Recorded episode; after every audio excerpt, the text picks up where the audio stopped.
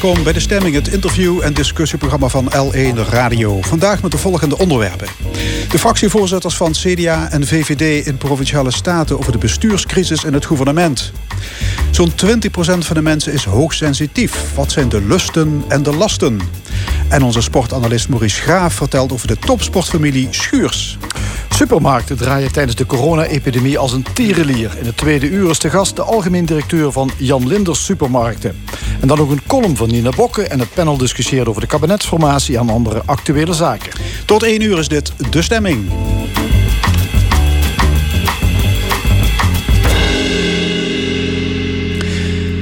Voor het eerst in de geschiedenis gaat het CDA niet deelnemen aan het Limburgse provinciebestuur. En dat maakt een oplossing van de bestuurscrisis er niet makkelijker op. Het nieuwe college van gedeputeerde staten moet nu gevormd worden door een breed palet van partijen. We gaan erover praten met de fractievoorzitters Mariska Werry van het CDA en Karen Strauss van de VVD. Goedemorgen allebei. Goedemorgen. Uh, Mariska Werry, uh, was u zich bewust van de historische lading van de woorden toen u vrijdag zei dat het CDA niet, in een, niet aan een nieuwe coalitie steun zou geven? Uh, ja, daar was ik mij wel van bewust. in ieder geval op het moment dat wij de keuze hadden gemaakt om, om niet mee te doen, begon dat wel in te dalen. Ja. ja, eerste keer in geloof ik, meer dan 100 jaar. Hè? Lange tijd. We hebben het niet opgezocht, maar, uh, maar hele lange tijd. Ja. Um, u heeft eerder wel gesprekken gevoerd uh, met verkenner Onne Hoes. En hij noemde ook het CDA bij die hele rits van partijen... die steun zouden kunnen geven aan een nieuw college. Klopt. Waarom haakt u alsnog af? Um, nee, wij zijn niet alsnog afgehaakt. Wij uh, hebben heel nadrukkelijk in de gesprekken met de heer Hoes aangegeven Um, dat voor ons helemaal geen uitgemaakte zaak was dat wij uh, in een, nieuwe, nieuw bestuur zouden willen stappen. Um, wij hebben die gesprekken met hem heel, open gevoerd, maar ook aangegeven. Um, wij vinden het een hele lastige situatie, want nog lang niet alle onderzoeken liggen op tafel. Er is natuurlijk heel veel gezegd en gedaan over uh, onze uh, CDA's, ook in gedeputeerde staten, ook over mensen, over onze partij. Uh, en al die onderzoeken die moesten nog op tafel komen te liggen. En de, eh, de, onderzoeken en de uitslagen daarvan, die waren er niet. Dus wij zaten ook in een hele lastige situatie qua weging. En um, er was natuurlijk ook qua, qua vertrouwen best wel een flinke knauw gekomen na de debatten in, in april. En dat hebben wij ook open met de heer Hoes besproken. Dus voor ons was het helemaal geen uitgemaakte zaak dat wij, dat wij mee zouden doen.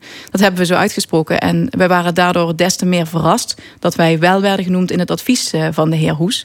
Um, ja, terwijl we daar toch nadrukkelijk uh, geen, uh, geen ja op hadden gezegd aan de ja. voorkant. Karen Strauss, fractievoorzitter van de VVD. Wat dacht u toen u hoorde dat uh, het CDA toch niet mee gaat doen? Ja, wij vonden dat heel jammer.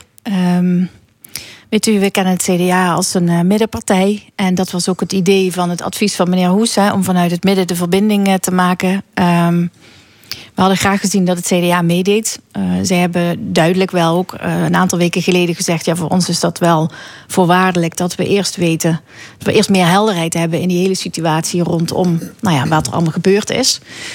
Um, maar het punt is natuurlijk dat we ook verder moeten in de provincie Limburg. En ons bereiken steeds meer geluiden. En in, in, heel, in het begin, toen het college uh, opgestapt is, toen waren er al veel gemeentes die zich gemeld hebben hè, met uh, zorgen over hoe gaat het nou verder met de provincie.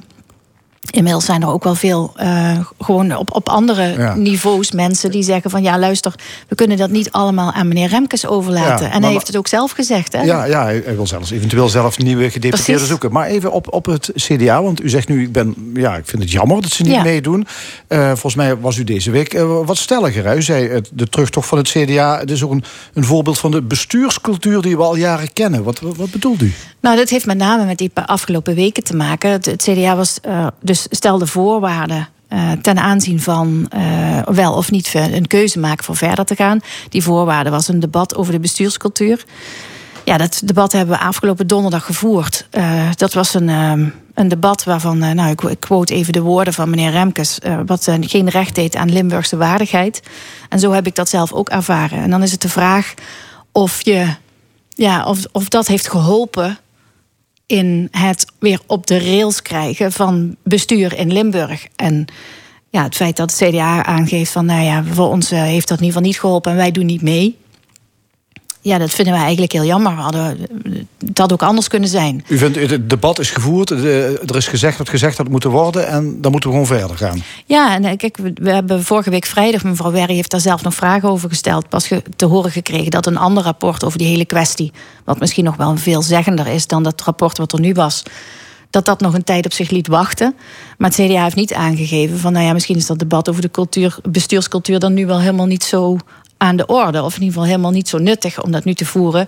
Kunnen we misschien beter kijken hoe we op een andere manier weer vertrouwen in elkaar krijgen. U heeft de indruk, de CDA heeft de andere partijen in een soort houtgreep gehouden de afgelopen ja, tijd. Nou, ik heb in ieder geval inderdaad gezegd van ze hebben ons in de greep gehouden. Um, En ja, weet je, het CDA is natuurlijk toch gewoon in, in Limburg de grootste partij. En de macht van het getal speelt dan mee.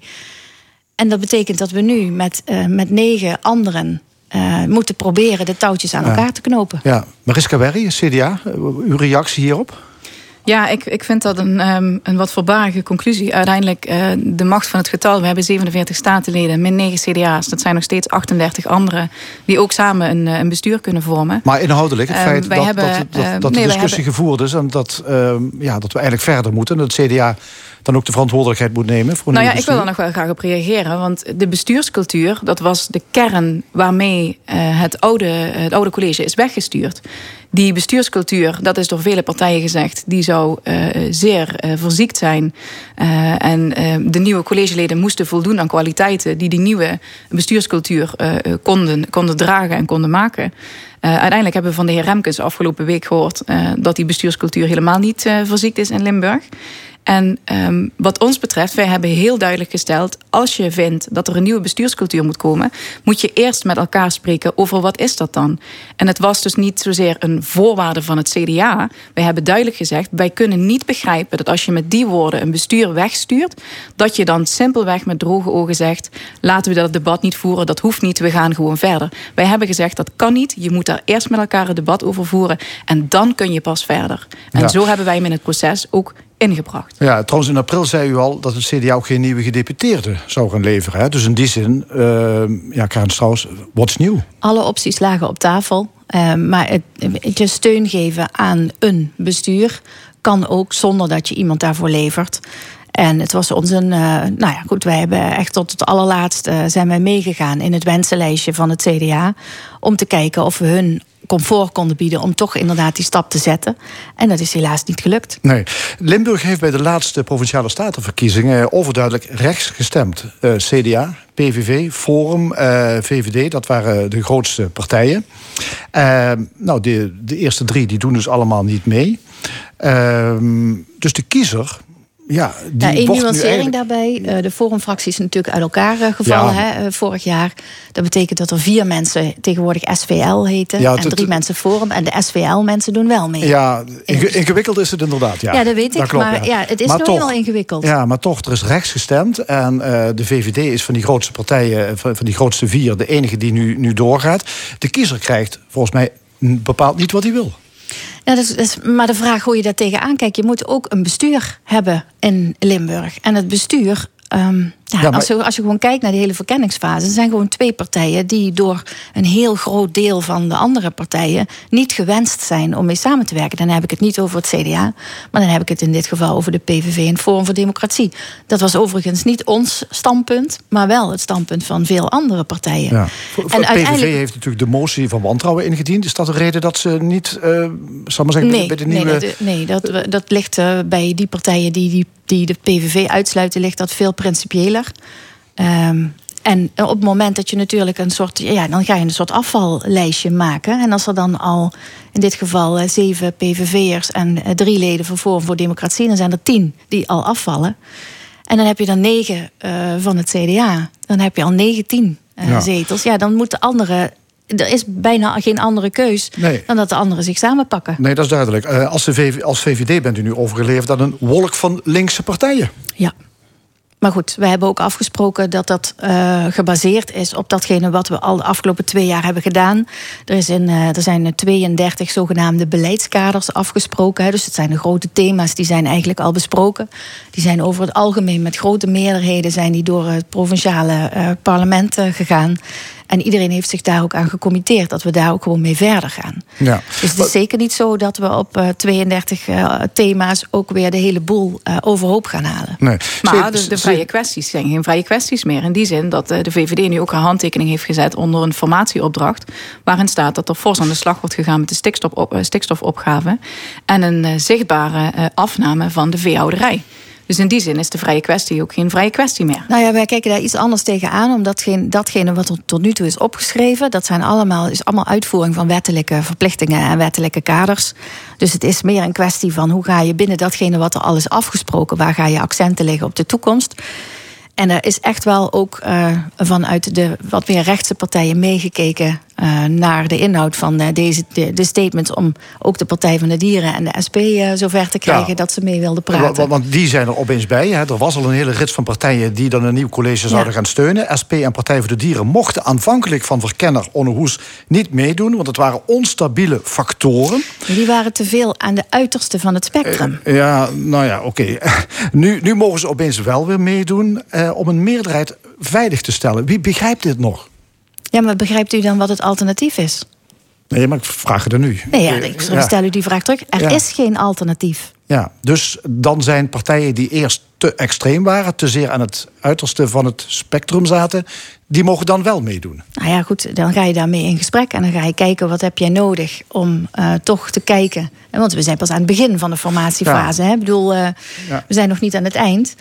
Daar moet je met elkaar over in gesprek. Maar, maar, maar er is geen alternatief. Ja, in ruil voor die steun uh, is tegemoet gekomen aan wensen van de SP en de Partij voor de Dieren. Uh, over sociaal beleid, over natuur. Uh, links heeft dus gewonnen. Tot nu toe. Nou ja, we hebben in ieder geval gezien dat vrijdag op tijd van drie uur... dat er een aantal nieuwe voorwaarden zijn toegevoegd... die absoluut niet in het advies van de heer Hoes stonden. Um, dus wij zijn ook heel benieuwd of er dan nou een, een, ja, een, een nieuwe echte coalitie komt... zoals de SP dat altijd heeft hard gemaakt. Um, ja, dus ik, ik gok wel. Ik denk wel dat uh, de linkse partijen dat in ieder geval uh, op, op, een paar uur tijd uh, heel slim hebben gespeeld. Ja, zo ziet u het als CDA. Ja. Ja. Is, is dit de enige route? Uh, of is nee. er nog een andere nee, mogelijkheid? Er was een alternatief. En dat alternatief hebben wij in de Statenvergadering ook ingebracht. En dat is een interim bestuur. Um, waarvan wij hebben gezegd... Uh, het lijkt ons goed dat we gezien de verhoudingen in de Staten... Uh, nu ook gaan depolitiseren. Dat wij er niet voor kiezen om met de acht partijen uit de Staten... een bestuur in te stellen. Maar dat wij de gouverneur in de lied willen, willen plaatsen om samen met de twaalf fractievoorzitters te kijken hoe wij tot een aantal gedragen kandidaten kunnen komen om dat interimbestuur uh, te vormen. Een zakenkabinet. Min of meer zakenkabinet. Wil niet zeggen dat dat iedereen vanuit, uh, van buiten de politiek zou moeten zijn. Uh, mensen uit het bedrijfsleven, maar ook mensen met een politieke achtergrond. Maar een soort zakenkabinet, dat was waar, waar wij aan dachten. Ja, Karen Strauss, ehm, zou dit voor de VVD aantrekkelijk zijn? Nou, misschien wel als we dit zoveel weken geleden op tafel hadden gehad. Maar op dit moment eigenlijk niet. En ook de, de gouverneur heeft deze motie, waar het CDA het initiatief voor heeft gepakt, samen met de PVV en Forum voor Democratie heeft hij ook ontraden. Ja. Want hij, bedoel, het is een verantwoordelijkheid van provinciale staten maar u, om een ik hoorde, te vormen. Ik hoorde u juist zeggen, dit is de enige mogelijkheid. En dat is die hele brede waaier van partijen. De VVD met de linkse wolk. Er is een andere mogelijkheid, SVL dat is het zakenkabinet. SVL niet vergeten. Ja, dat is ja, maar nogmaals, Forum, ja. nogmaals, bedoel, als we dit aan het begin als optie op tafel hadden gehad, dan was dat misschien best wel mogelijk geweest. Maar door al dat dralen en, en uh, voorwaarden stellen, zitten we nu in een fase dat uh, de, de, gouverneur ons op het hart heeft gedrukt om uiterlijk 2 juli met kandidaten te komen. En anders gaat hij het zelf doen. 19 juni. Ja, de, dus het CDA is gewoon te laat. 2 juli ja, te presenteren. Ja, CDA, ja. mevrouw Werri, u bent gewoon te laat met dit voorstel voor dat zakenkabinet. Nee, ja, zo zie ik het helemaal niet. Um, wij hebben uh, open die gesprekken gevoerd. En uiteindelijk hebben wij in alles gewogen hebbende... zijn wij tot de conclusie gekomen dat gezien de verhoudingen... Um, dat dat interimbestuur echt de beste optie was. En uh, dat dat misschien laat komt, uh, zoals mevrouw Strauss dat interpreteert. Ja, dat, ik vind dat je ieder, uh, ieder, ieder voorstel kun je altijd met elkaar bespreken. En als we een uh, lange schorsing kunnen nemen, uh, zodat de Partij voor de Dieren en, en uh, de SP ook met, mee kunnen praten met die zeven, om te kijken of dat een optie is, dan kun je ook lang met elkaar schorsen om te kijken of het zakjekabinet een, een optie is. Dus wat mij betreft gaat dat argument ook niet op. Nee. CDA kon dit soort zaken altijd lang regelen. Staat het CDA nu buitenspel? Is dat, is dat wat, wat hier nu aan de hand is in 2021? Nou, als dat al het geval is, dan hebben ze dat zelf uh, veroorzaakt. Uh, maar wat mij betreft niet. Want bedoel, we moeten nog, twee, nog ja, ruim anderhalf jaar tot aan de volgende verkiezingen. En we hebben iedereen nodig om, het, om samen uh, de schouders onder Limburg te zetten. Ja. Ook het CDA. Ja, er waren trouwens twee debatten hè, afgelopen week. Eh, het ging natuurlijk over de vorming van een nieuw eh, bestuur. Maar eh, de Staten hebben natuurlijk ook teruggekeken naar wat er allemaal gebeurde is de afgelopen periode. Waarnemend gouverneur Jon Remkes die zei deze week dat de statenleden, zichzelf ook een spiegel moeten voorhouden. Dat dat, ja, wat, wat vinden jullie daarvan? Mariska Berry? Ja, ik ben, ik ben het daar hardgrondig mee eens. Um, we hebben in de afgelopen maanden uh, is in de Staten niet zo heel vrij beeld van, uh, van de bestuurlijke Limburg neergezet. Uh, daar de motie hebben... van wantrouwen, het hele college is naar huis gestuurd, de gouverneur is naar huis gestuurd. Ook, maar laat ik zeggen, het zit hem ook vooral in gedrag en in wat, wat zeg je tegen elkaar en hoe ver ga je daarin. En speel je het debat op de bal of op de man. En daarin hebben we echt wel wat steken laten vallen. Er zijn heel veel uithalen gedaan naar mensen en naar ambtelijke organisatie die echt niet gepast waren. En wat dat betreft mogen we allemaal wel een keer in de spiegel kijken. Ja, Karen Strauss, VVD? Ja, die debatten van begin april, beide debatten, uh, hebben zeker niet het mooiste beeld opgeroepen van hoe bestuur er en politiek eruit kan zien. En er is mij ook wel veel aan gelegen om te proberen dat vertrouwen dus ook weer terug te winnen. En dat is ook de reden waarom dat wij zeggen, ondanks het feit dat het een ingewikkelde opgave is, want het is een soort uh, regenboog plus uh, ja, samenwerking die er nu gaat ontstaan. Dat zal zeker niet gemakkelijk zijn. Maar het is wel zo dat deze partijen met elkaar uitgesproken hebben. Wij voelen de verantwoordelijkheid om daar weer wat in recht te zetten. Ja. En in die verantwoordelijkheid kunnen we aan de kant blijven staan en we kunnen ook proberen het goede te doen. Ja, ik wil nog even teruggaan naar die rol van provinciale staten bij het vertrek van gouverneur Bovens. Uh, de waarnemend gouverneur die verbaasde zich daar nogal over. Die zei: ja, Bovens had daarvoor nooit kritiek gekregen van die staten. En is daar niet iets enorm fouts gegaan? Nou, ik denk wat je om deze hele situatie goed te kunnen begrijpen, uh, moet je, denk ik, naar het einde van het vorig jaar teruggaan. Um, waarbij dat ja. natuurlijk, ja, wat uiteindelijk heeft geresulteerd in de, in de provinciale enquête. En, nou, en, en de hele berichtgeving daaromheen. Het is een soort cumulerend effect geweest van allerlei berichtgevingen. En inderdaad, daarvoor. Heeft de gouverneur heel weinig kritiek gekregen. Dat klopt. Dus staatsleden zouden wat dat betreft ook wel eens mogen kijken hoe ze anders politiek zouden kunnen voeren. Nou ja, in ieder geval, als je beweert dat je zoveel kritiek hebt op de gouverneur, dan moet je dat ook uitspreken in de functioneringsgesprekken. En dat is wat zowel uh, de heer uh, Bovens als de heer Remkes hebben uh, aangestipt, niet gebeurt. Ja, dan kun je niet met droge ogen blijven zeggen dat je totaal geen vertrouwen meer hebt in een gouverneur als je dat van tevoren nooit hebt uitgesproken. Dat kan niet. Oké. Hebben we binnenkort een nieuwe college? Ik heb geen idee. We gaan uh, hard eraan werken. We gaan uh, deze week uh, gaan we met elkaar om de tafel. En ik hoop dat we eruit komen. Um, ja, en ik doe nog steeds een oproep aan mevrouw Werry om toch nog alsnog aan te schuiven, als ze dat wil. Oké. Okay. Um, jullie zitten er nog tegenover elkaar hier, dus dat is nog een lange zondag. Precies. dank jullie wel. Mariska Werry, wetsels van het CDA en Karen Strauss van de VVD in Provinciale Staten. Graag gedaan. Nogal wat mensen zijn, of ze het weten of niet, HSP'er. Hoogsensitief persoon. Wat is het precies en wat zijn de lasten en de lusten? Zometeen Hilde Kusters schreef er een boek over. Na het nummer van McGinnis Flint, wij naam Dead and Gone.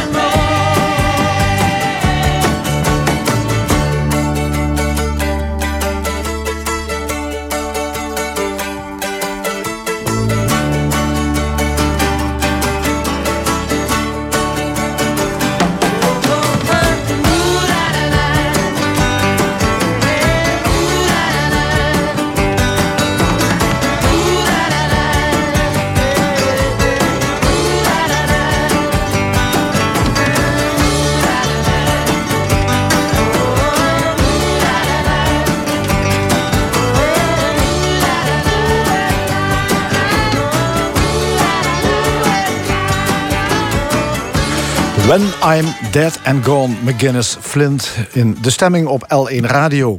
Een kleine 20% van de bevolking is hoogsensitief. Bij hoogsensitieven komen geluiden, beelden en andere prikkels nogal diep binnen. En al die externe prikkels worden intens ervaren. En dat kan ertoe leiden dat het zenuwstelsel uitgeput raakt. Om HSP'ers te helpen schreef fysiotherapeut Hilde Kusters een boek... Hoogsensitiviteit ombuigen, met als ondertitel 12 stappen naar een veerkrachtige fijngevoeligheid. Bij ons aan tafel uit Belgisch Limburg Hilde Kusters. Mevrouw Kusters, welkom. Uh, ja, word je met hoogsensitiviteit geboren? Ja, je wordt ermee geboren. Het is een, uh, een, uh, een aangeboren kenmerk. Erfelijk. Een stukje temperament dat je meegekregen hebt van, van je ouders. Oké. Okay. Wat is het precies? Het is een kwaliteit, zou ik zeggen, om heel subtiel en fijngevoelig af te stemmen op de buitenwereld. Uh, een kwaliteit die, uh, die jou ook heel erg empathisch maakt. Daarvoor zorgt dat je, dat je uh, heel fijn kan ingaan op die buitenwereld. Uh, dat je ook creatief bent, dat je in je, in je gedachten, uh, los van, van regels, heel creatief kunt, kunt denken.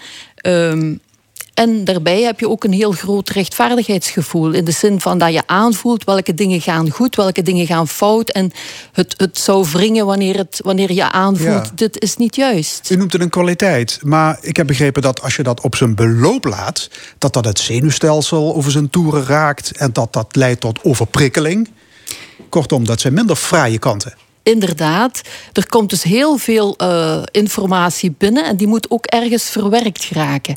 Um, daarbij ja, voel je dan een zekere stress, een zekere geactiveerde staat in het verwerken van al die prikkels. En ons lichaam heeft nu eenmaal de nood om af en toe tot rust te komen, vooral om zijn batterijen te laden, om zijn energievoorziening uh, op punt te stellen. En vandaar dat ja, dat zou een nadeel kunnen zijn van die hoogsensitiviteit. Dat is dat je geen rustnummer vindt. Ja. 15 tot 20 procent van de mensen is HSP'er. U bent er zelf een. Ja. Als kind, zo las ik in uw boek, uh, was u heel emotioneel. Ja. U, u, huilde om het minste of geringste. Ook om het verdriet van anderen. Ja, ja, ja. Gewoon omdat je de, de sfeer die bij andere personen horen... dat je die gewoon zo aanvoelt... dat die binnenin jouw eigen lichaam resoneert. Hadden uw ouders in de gaten wat er met hun kind aan de hand was? Dat denk ik niet, nee. Dat begrip bestond waarschijnlijk niet eens, hè? Hoogsensitiviteit. Nee, in, in, nee, in der tijd uh, bestond het woord niet, helemaal niet. Je voelde wel dat je gevoelig van aard was. En zo werd het ook benoemd. Je bent gevoelig en je leerde daarmee omgaan. Ja, toen u uh, examen deed voor een bepaalde opleiding... Uh, toen kreeg u een geweldige huilbui... omdat een medecursist was gezakt. Ja, inderdaad. En dat was niet eens uw beste vriendin? Nee, helemaal niet. Dat was een, een, een toffe collega. En dat was ook het moment dat bij mij... Uh, ik heb die zaal moeten verlaten... omdat ik helemaal geen controle had over die emotie. En toen is bij mij eigenlijk, uh, laten we zeggen... een aha-erlevenis geweest in de zin van... dit, dit moet iets zijn in de zin van hoogsensitiviteit. Een ja. woord dat toen wel al uh, in de actualiteit gekomen was. Hebben HSP'ers last van schaamte? Uh, ja, misschien wel omdat ze zeer streng zijn voor zichzelf. Ja, ja. Um, maar het is zo dat HSP'ers vooral zo gericht zijn op die buitenwereld en die relatie met de omgeving, dat ze eigenlijk zichzelf eh, niet heel goed kennen. Eerder in de zin van gedachten die gaan als interpretatie over dingen met de wereld rondom, emoties die we daarbij horen. Um, maar zichzelf kennen. Dus zelfkennis is belangrijk, zegt u. Is je moet proberen om veel over jezelf aan de weet te komen. Ja, en daarbij moet je vooral je fijngevoelige zintuigen ook eens naar binnen keren om jezelf te gaan waarnemen okay, binnenin. Daar kom ik straks nog op terug. Ander voorbeeld nog. Toen u begon als fysiotherapeut, toen ging u helemaal op in uw cliënten. Hè?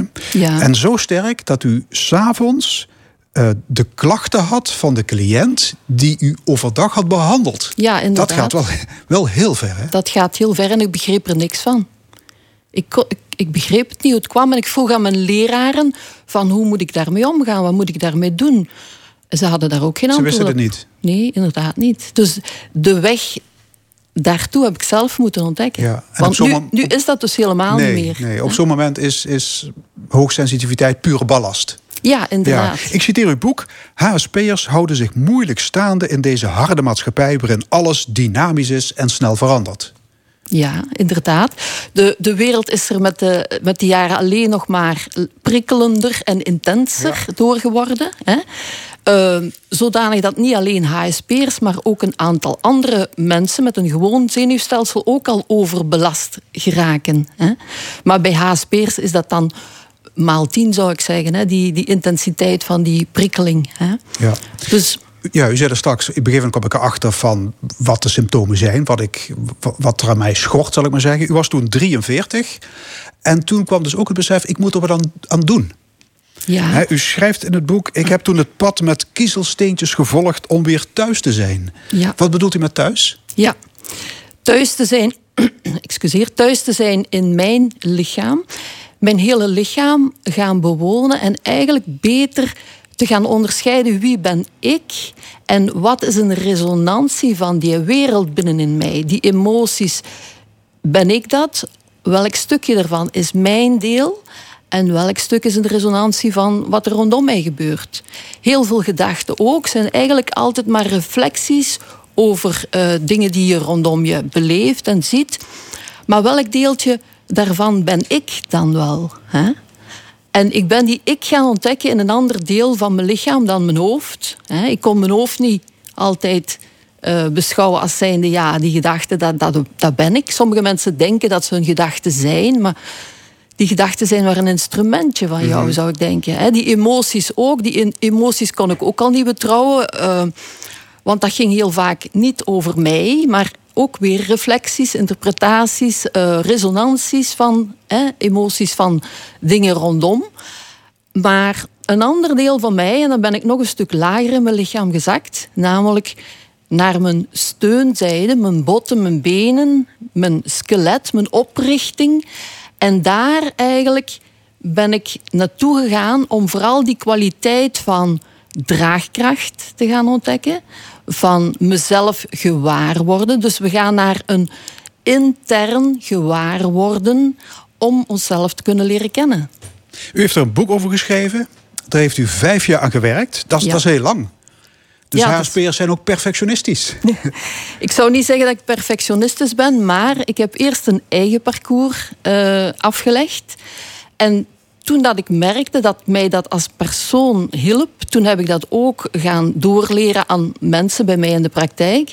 En ik merkte dat ook zij er beter van werden. En zij vroegen mij dan, kunnen we daar iets over lezen? Er bestond alleen maar vakliteratuur op dat terrein. En daarom eh, ben ik ertoe gekomen om het neer te schrijven in een boek dat voor iedereen leesbaar ja, en de boeken die bestaan, die gaan voornamelijk over het cognitieve gedeelte. Hè? Ja. U wilde per se geen psychologieboek schrijven. Uh, dit boek is vooral gericht op, op, ja, op het fysieke, op het lichamelijke. Maar toch zegt u, het belangrijkste is om rust te zoeken in je hoofd. Hè? Het weer kalm krijgen van de geest. Ja, ja, ja. En daar kan jouw lichaam jou uh, een hulp zijn. Dus jouw lichaam in jouw lichaam vind je de dimmer voor je geest. Ja, want mensen moeten recupereren van al het denken. Ja, denken is werken, denken is brein zit altijd aan, hè? Ja, Denken is verbruiken, denken is uh, ja, energie verbruiken. En ons lichaam wil ook graag energie aanmaken. En dat doet, het, dat doet het eigenlijk het makkelijkst in een relaxe toestand. Dus we moeten ons lichaam in een relaxe toestand brengen. En via je gedachten is dat een moeilijke weg. Je kan wel zeggen kalm, zij het kalm, kalmeer, maar in welke mate dat die woorden tot in de cellen van je lichaam geraken, dat is maar de vraagteken. Hè? Ja. Maar wanneer je naar je houding gaat, zoals wij hier nu zitten op de ja, stoel... Misschien kunt u eens een voorbeeld aan ons, een soort masterclass aan ons geven. Ja, ja. Een oefening. Ja, inderdaad. Want uw boek is eigenlijk een soort twaalf stappenplan. Ja, inderdaad. Het is eigenlijk een doeboek. Het is een doeboek. Ja. Het is helemaal een doeboek. Waarom? Omdat jouw lichaam jou de ervaring kan geven om niet alleen rust te vinden, maar ook stabiliteit te vinden en een beter evenwicht te vinden in relatie met jouw geest. Oké, kunnen wij hier achter deze presentatietafel iets doen? Ja. Iets simpels? Ik stel voor dat uh, dat iedereen een stoel neemt, ook de luisteraars, dat ze allemaal zich eventjes neerzetten op een stoel. Dat we uh, vooraan op de stoel gaan zitten, dus we gaan de rugleuning niet gebruiken. En we gaan ons even bewust worden van hoe voelt dat nu zitten? Hoe voelt dat zitten? Ja, meestal staan we daar niet bij stil bij onze houding. En dan kan je voelen als je de zitting van de stoel iets actiever gebruikt, als je erop gaat drukken, dat je eigenlijk je ruggengraat kan uitstrekken. Ja? Dus je voelt daar dat je je ruggengraat iets wakkerder maakt, iets actiever maakt. Maar dankzij die wakkere, actieve ruggengraat kunnen jouw schouders gaan rusten. En ook jouw armen kunnen gaan rusten. Hè? Dus we krijgen hier een andere verdeling binnen ons lichaam van de actie. Hè? Ik stel nu voor dat we onze ogen even sluiten. Waarom? Omdat we dan de indrukken van rondom nimmer daarbij hebben. Dat we de referentie, een nieuwe referentiekader nodig hebben. Namelijk, onze houvast moet zich nu ergens daar beneden gaan installeren. In het contact van jouw bekken met de stoel, met de zitting van de stoel, en jouw voeten met de vloer. Dus je krijgt een intern referentiekader, het gewaarworden, dat jou laat weten in welke houding dat je bent. En je kan voelen hoe je schouders en je armen, hoe de spieren van jouw lichaam kunnen rusten wanneer je jouw botten heel mooi verticaal ten opzichte van de zwaartekracht rechtop plaatst, als een toren.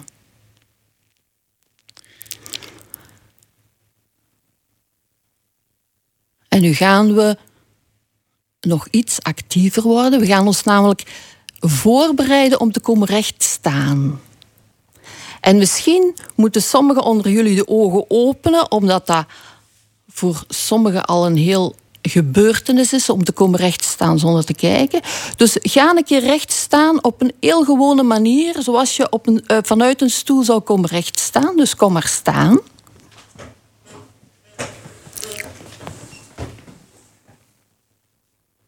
Staan is weer een heel ander gevoel dan zitten. Er zijn nu twee benen bijgekomen die in actie gekomen zijn.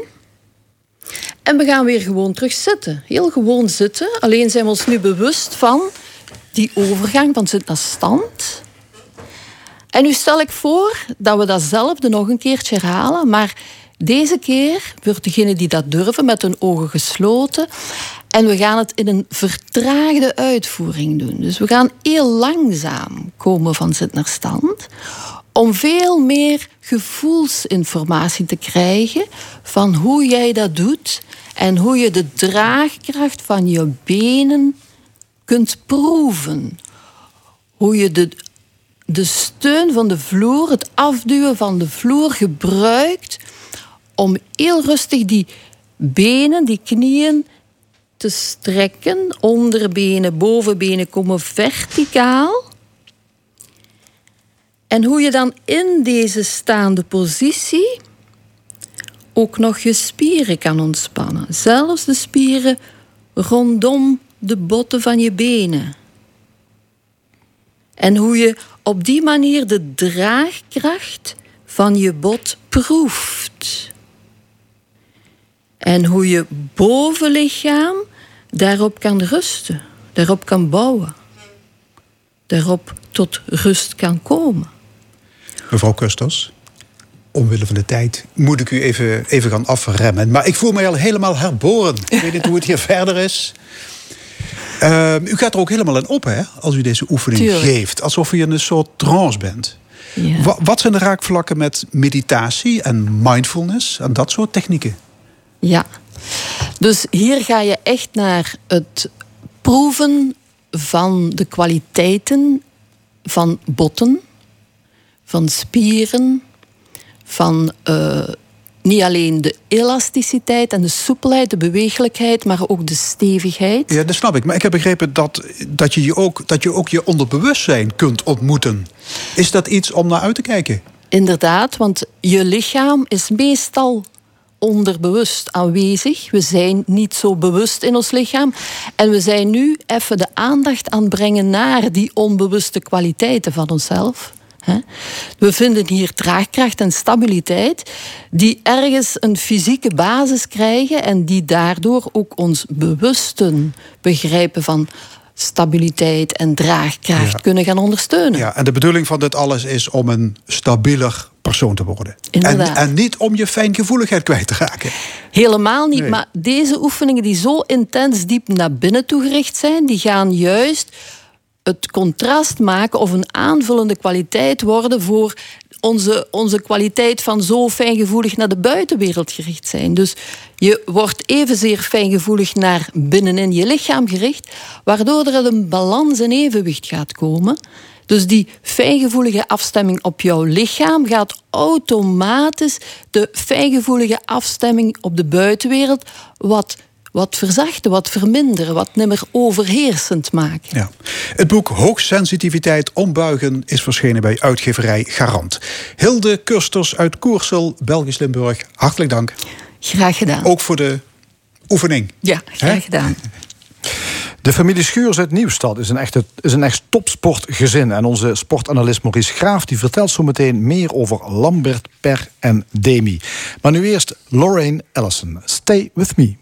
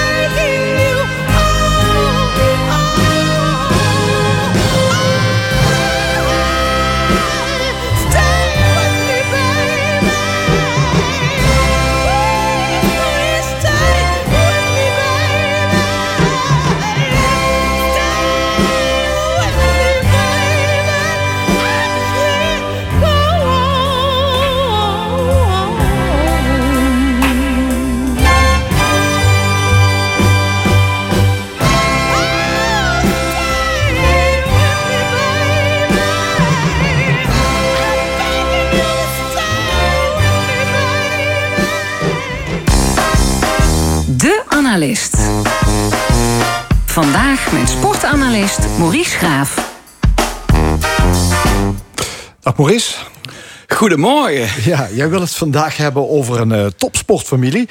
De familie Schuurs uit Nieuwstad met een handballende vader, een uh, tennissende dochter en een voetballende zoon. En allemaal op topniveau. Hè. Misschien moeten we bij het actuele beginnen. Per Schuurs, uh, die wist afgelopen week te scoren voor Jong Oranje. Waarbij opgemerkt moet worden dat Jong Oranje kansloos de wedstrijd verloor, dat wel. maar wat viel jou op, of wat, en wat valt jou op aan Per Schuurs? Uh, nou, toch zijn ontwikkeling. Hij is een aantal jaren geleden van Fortuna naar Ajax uh, gegaan. En daar werden toen vraagtekens gezet bij dat besluit om, om, na, om voor Ajax te, kiezen. Terwijl ik toen al eigenlijk zei van ik verwacht Per Schuurs binnen enkele jaren in het, uh, in het grote Oranje. Ehm, helemaal gebaseerd ook op een stukje mentaliteit, op een goede paas, op een stukje onverzettelijkheid. En de afgelopen week bij, bij het Europees kampioenschap van Jong Oranje zag je in die twee wedstrijden tegen die grote favoriet eh, Frankrijk. Dat Per Schuurs eigenlijk eh, een hele goede bekende spits helemaal uitschakelde. Uh, heel goed in de duels was. En uh, tegen Duitsland stond hij weer heel solide achterin en scoorde hij zelfs. Dat zijn niveau echt, dat daar nog wel rek in zit. Alleen denk ik daarvoor dat hij een, eh, een stap moet gaan, ma gaan maken. Ja, want bij Ajax is hij geen eerste keus, hè? Hij is geen eerste keus. Ze hebben Timber, die in het grote oranje zit, al op, op zijn positie voor hem. Nou, daar heb je nog uh, uh, Blind, Martinez, Van Rens. Die zijn eigenlijk in de, in de rangorde hem voorbij. Terwijl ik hem eigenlijk de beste verdediger vind. Alleen, dus, dus wat moet hij dan doen? Ja, hij moet naar het buitenland. Want als je bij Ajax speelt, hier in Nederland kom je, amper aan verdedigen toe. Blijf je op de bank zitten. En, ja, want je wordt beoordeeld op opbouwende kwaliteit. Als je naar het buitenland gaat, en ik vind Virgil van Dijk daarin een uitstekend voorbeeld. Ook via, eigenlijk via kleinere clubs in het buitenland. Celtic, ja, vind ik trouwens wel een aardige club.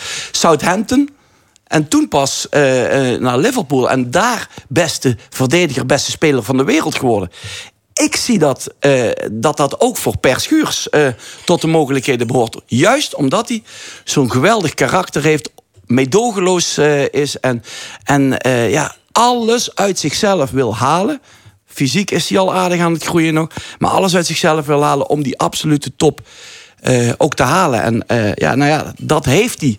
Dus, want daar hebben we het over, over het gezin Schuurs. Dat heeft hij gegarandeerd ook uh, degene... Ja. Sjaak Zwart omschreef hem trouwens nog als een, een, soort watje, hè? Een paar jaar geleden. Die vond hem tussen... Te, ja, niet ja maar weet je wat dat is? Je komt daar als jonge Limburger met een, een zachte G in, in Amsterdam, waar je zo stoer mogelijk overal uh, moet zijn. Als er eentje geen watje is, ik denk dat Sjaak nog eens een keer tegen Per moet gaan voetballen dan. Maar als er eentje geen watje is, is het Per Schuurs. Uh, ja. absoluut. Hey, we gaan naar het gezin, hè, want daar gaat het over. Per Schuurs die komt uit een echt topsportgezin. Ehm, kun jij dat gezin in Nieuwstad aan ons voorstellen? Wie zit er allemaal in? ja, Pa Lambert, record international in het handbal. Kom ik dadelijk dan nog even op terug. Moeder Monique. Uh, de drijvende kracht, want dat is de verbindende factor. Die heeft iedereen, die, die zorgt dat, dat en het eten op tijd klaar is, de boodschap gedaan, maar ook iedereen op tijd op, een, op sportlocatie. Die heeft zich echt opgeofferd.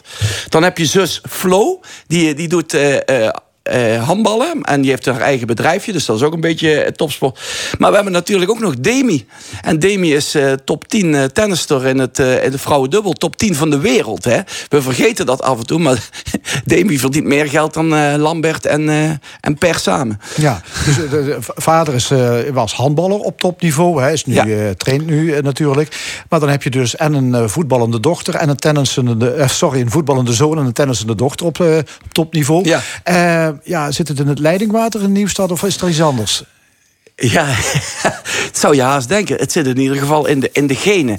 Want, want zoals Lambert is, die heeft altijd... Kijk, die is cirkelloper geweest in het handbal. Ik vond dat altijd de meest ondankbare. Daar krijg je alle, alle klappen, moet je daar opvangen. En uh, die ging letterlijk, was dat met vallen en opstaan. Maar zijn missie was altijd nooit opgeven, doorgaan. En uh, ja, dat heeft hij uh, absoluut doorgegeven aan Per en Demi.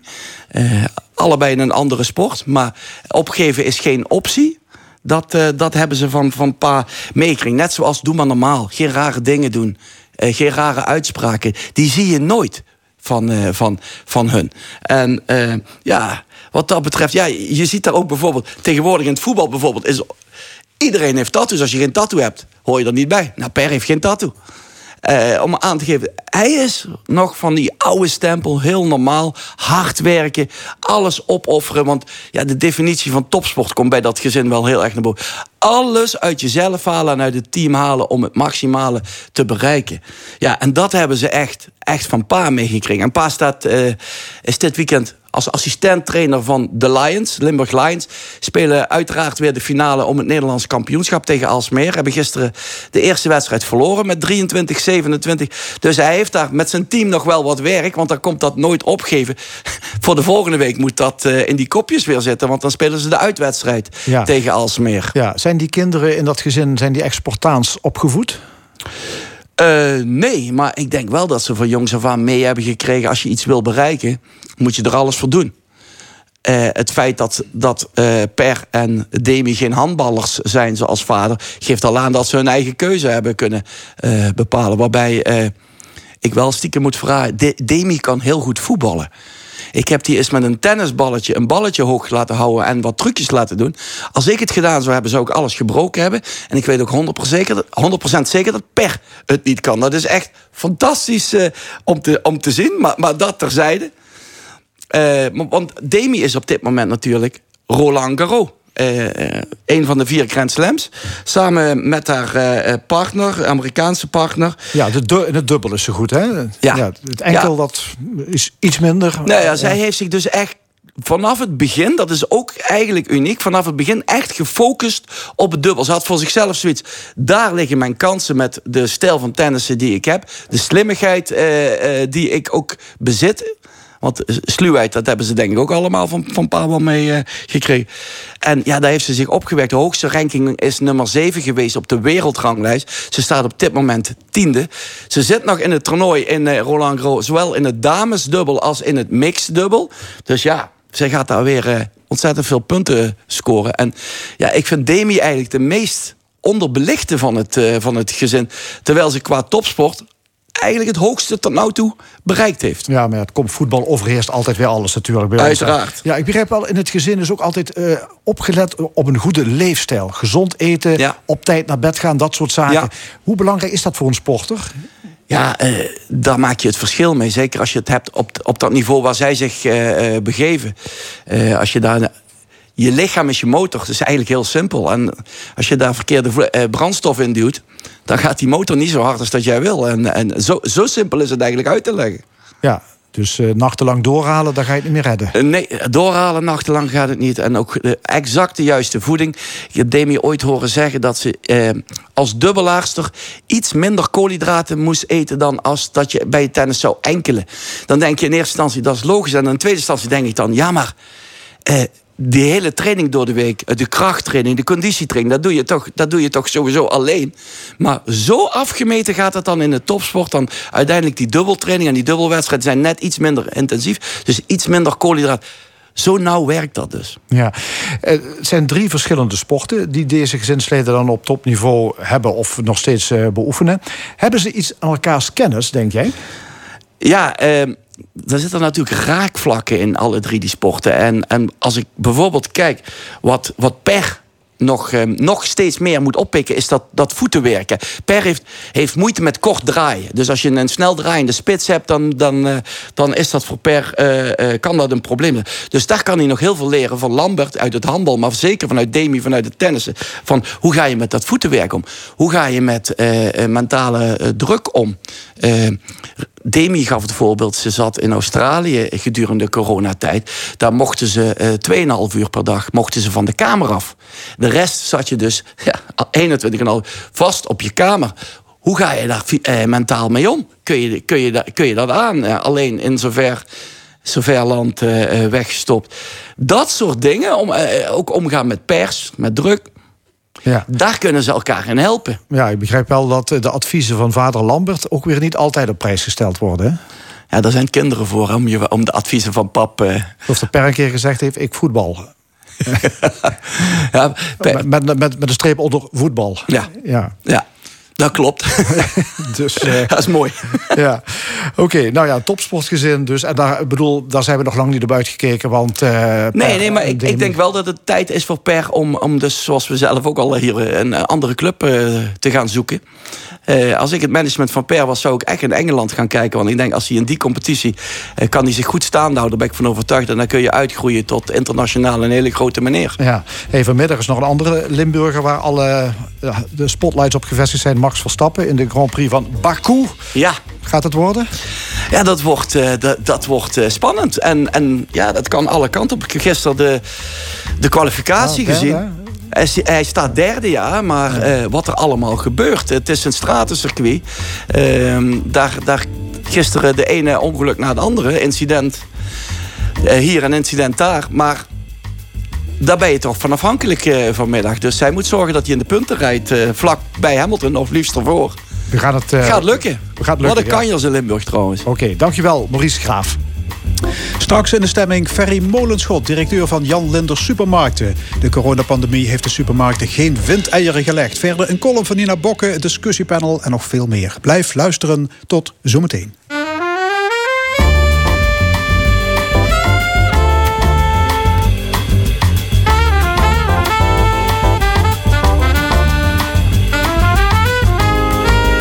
De stemming met Frank Ruber en Fons Geraerts.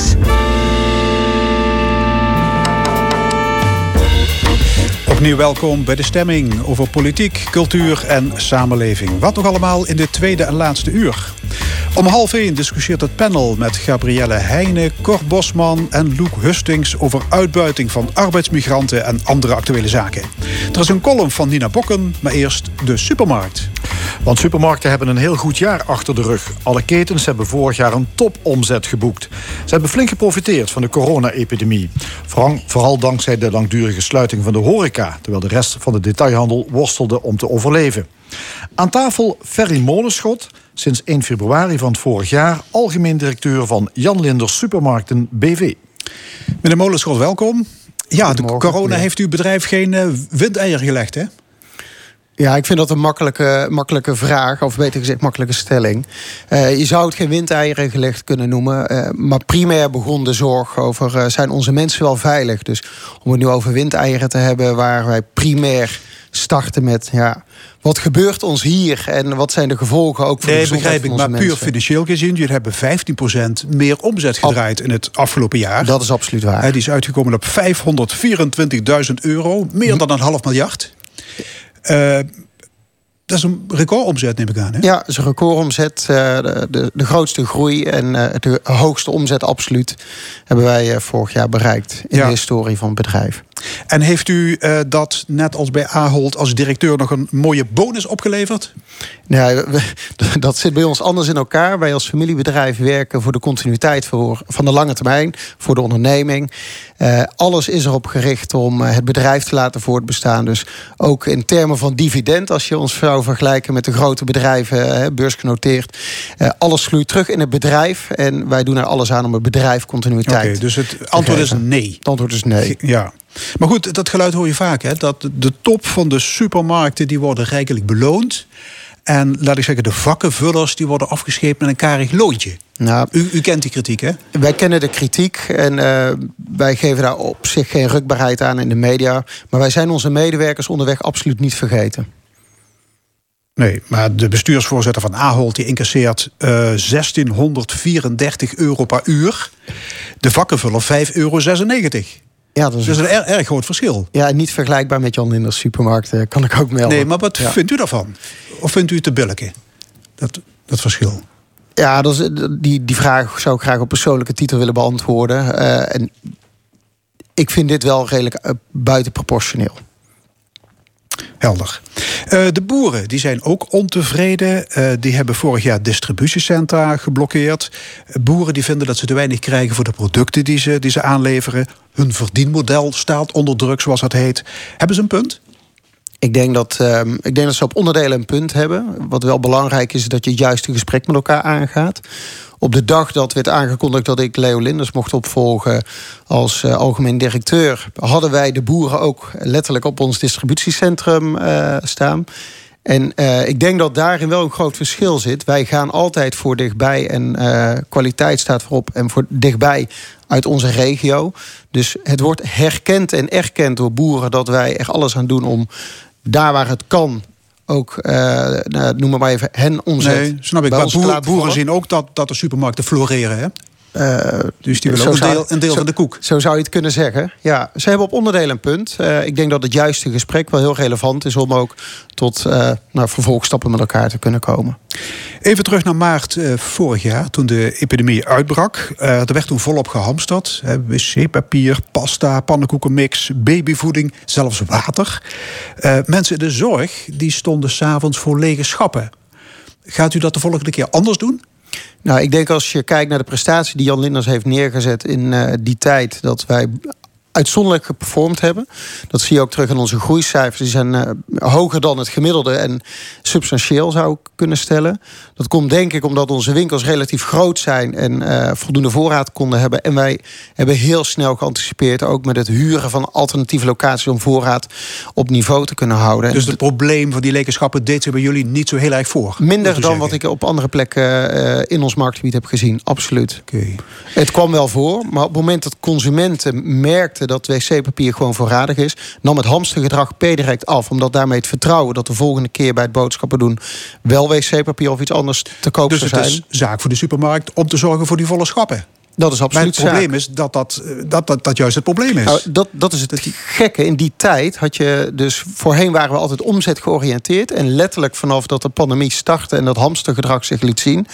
was omzet niet meer de drijver om eh, schappen vol te hebben... maar veiligheid voor onze mensen. Ja. En uh, daar hebben wij echt met mannenmacht iedereen in de keten heeft zich daarvoor ingezet. Dat verdient ook een groot compliment aan onze mensen. Welke lessen heeft u als supermarktdirecteur geleerd van de coronacrisis? Adaptief vermogen uh, moet hoog zijn. Dus wat is adaptief vermogen? Snel kunnen uh, anticiperen en kunnen aanpassen op veranderende omstandigheden. Voorbeeld?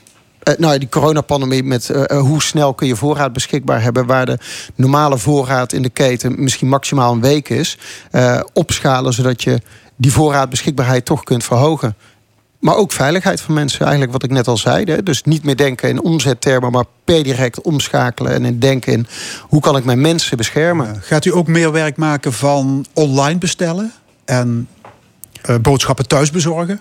Op dit moment doet Jan Linders dat niet. We hebben daar een aantal testen mee gedaan. En ik ga het even grappig traditioneel noemen. Als je de traditionele manier van online eh, boodschappen uh, doen uh, gaat bekijken, zit daar een heel slecht verdienmodel onder. Dus verliesgevend voor alle ketens die dat op dit moment aanbieden.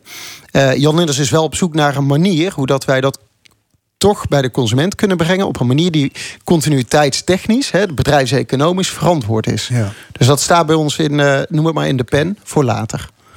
Ja, u bent vorig jaar Leo Linders opgevolgd als uh, algemeen directeur. En er ja. werd toen de laatste hand gelegd aan een meerjarenstrategie voor de volgende groeispurt. Ja. Waarom denken ondernemers altijd in groei? Nou, in de supermarktbranche gaat het om, eh, ze zeggen wel eens centenwerk. En dat is ook letterlijk zo. Hè. Dus eh, onze ondernemingen, van, ook met onze schaal, weten maar 1, 2, 3 procent rendement onderaan de streep te maken. En daar moet je ook onafgebroken heel diep voor investeren. Die winkels die, ja, die behoeven elke 7, 8, 9 jaar een remodeling. En de technologische kant aan de achterkant gaat enorm hard. Dus gemechaniseerde distributiecentra's, maar ook, noem het maar, de technologie. Ja, daar moet heel hard in doorgeïnvesteerd worden. Nee. Als je niet groeit en de kosten groeien wel harder dan je groei, dan noemen wij dat, dan kom je in de kostenschaar. En dan zit je dus heel snel op het punt dat rendement zwaar onder druk komt te oh. staan of verlieslatend wordt. Maar je kunt ook zeggen, we hebben 60 eh, winkels, we maken mooie winst, de klanten zijn tevreden, we houden de marktontwikkelingen goed in de gaten. Waarom zouden we 100 supermarkten moeten hebben? Ja, ik ben ervan overtuigd dat schaal toch het model is in onze business om uh, te kunnen blijven voortbestaan. Uh, dat betekent overigens ook dat je dat wat niet rendeert moet kunnen afstoten. Als we naar Jan Linders afgelopen jaren kijken, dan zie je dat wij een aantal winkels, hè, ik pak even 2015 als referentiejaar, zijn wij met vier winkels gegroeid. Dat zou je beperkte groei kunnen noemen, maar we hebben er meer gesloten. Dus we hebben. Oh, er gaan ook wel eens winkels dicht. Er gaan ook wel eens winkels okay. dicht. Ja. ja. Maar de teller staat u op 62. Ja. 62 filialen, die liggen allemaal in Limburg en Brabant. Op één na. En, en want vorig jaar, en in Gelderland, dat is die in Wageningen. Die vorig jaar is Afgelopen geopend. jaar hebben wij in Wageningen Precies. voor het eerst een winkel boven de rivieren geopend. Smaakt dat dan meer? Dat smaakt absoluut naar meer, ja. Het uh, leuke is dat het voordeel van het zuiden, dat is waar wij voor staan. En de ja, want dat is toch jullie, jullie imago een beetje, dat, dat zuidelijke ja. karakter? Dat de slogan is niet voor niets. Jan Linders, het voordeel van het zuiden. Ja, klopt. Of willen jullie daarvan af? Is nou, het een hinderpaal voor groei? Nee, dus het is geen hinderpaal voor groei. En wat het mooie is in Wageningen, wat daar, hè, er zit de Universiteit van Wageningen, mensen daar zijn duurzaam georiënteerd. En daar wordt enorm herkend dat Jan Linders bezig is met duurzaamheid. Dus korte doorloopstappen in de keten, producten van dichtbij, niet over de grenzen. Uiteraard als de kwaliteit het toelaat, hè, want dat is de randvoorwaarde. Um, maar wij zijn ook een supermarktketen. Misschien is dat wel onze hindernis. Wij zijn niet zo goed in het uitleggen waarin wij goed zijn, maar we zijn hartstikke duurzaam. We zijn ook in het GFK, dat is toch een nationaal rapport waaruit blijkt, uh, daar waar een aantal metingen over supermarktketens worden gedaan, als de derde supermarkt van Nederland op duurzaam niveau naar boven gekomen. In jullie assortiment zit, je, zit ook heel veel, uh, althans relatief veel streekproducten. Ja, Waar moet ik aan denken? Uh, ik, ik heb iets meegenomen uh, voor, voor dadelijk. De, um, ik de, zie iets met slagroom. Ja, iets ik met, denk ja, het is geen slagroom. Dat is de Abrikozen progressvlaai. Uh, die wordt in Zevenum gemaakt. Onze broden komen bijvoorbeeld uit Kerkrade. Ik heb een fles wijn bij vandaag. Hè. Die staat bij ons in het assortiment uit Hoeverneken, Maastricht. Dus we zijn in Maastricht vandaag. En zo vind je onafgebroken producten. Vers en wat langer houdbaar. Die van dichtbij komen. Maar die wel ook qua smaak meer moeten kunnen bieden dan het gemiddelde of wat überhaupt in de markt verkrijgbaar is. Dus het is misschien niet de allerbeste fles rode wijn die je in de wereld kunt kopen. Maar ik durf te stellen dat het wel de beste fles wijn uh, van Nederlandse bodem is. Ja, supermarkten zijn op aarde om voeding te verkopen en om winst te maken. Voelen jullie ook druk vanuit de samenleving om om met duurzaam, duurzaamheid bezig te zijn. Onafgebroken zijn wij daar uit onszelf al mee bezig. En die lat wordt in de markt steeds hoger gelegd. Dus ja, die druk ook vanuit de samenleving voelen we. Maar ja, ook als dat dan kosten zo gaan van de winst? Ja, dat, wij maken beslissingen die ten koste gaan van de winst om te verduurzamen.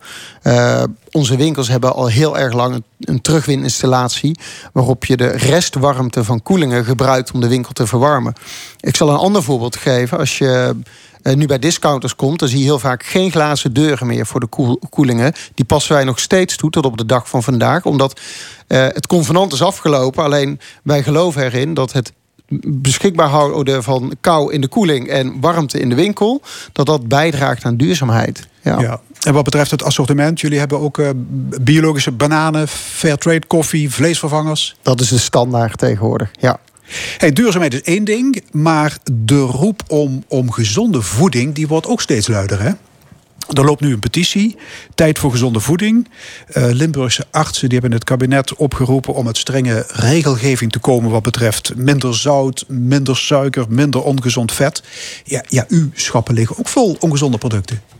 Ja, kijk, ik vind dat het de keuze van de consument is wat hij of zij uh, nuttigt. Hè. Dus wij zijn geen politieagent die zeggen wat wel en wat niet. Maar wij proberen wel op een manier die. Uh, in onze optiek maatschappelijk is, te stimuleren om gezonde producten te nuttigen. En dat doen we ook bijvoorbeeld met de samenwerking met Coccarelli in Venlo, waarbij we kinderen proberen de les mee te geven wat de waarde is van gezond eten. Ja, wat zou u ervan vinden als het nieuwe kabinet een suikertax zou invoeren? Nou ja, die, die geldt dan voor iedereen. Dat, dat is wat het is. Uh, uh, heb ik niets op tegen. Nee. Maar u weet, ja, veel mensen hebben eh, suikerziekte, obesitas.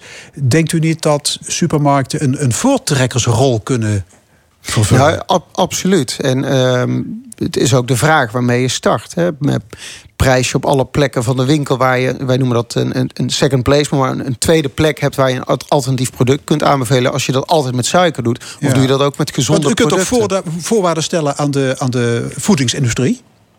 Tot op zekere hoogte kan Jan Linders toch maar even in het perspectief. Jan Linders is een van de allerkleinste supermarktketens van Nederland. Ja, maar toch. dus de half miljard omzet. De grote getallen die u net schetst. ja. uh, maar toch even in perspectief. Albert Heijn is 35 maal zo groot. Jumbo is meer dan 20 maal zo groot. En dan hebben we Lidl, hè, die is 10 keer zo groot. Maar dus ook op de kleintjes letten.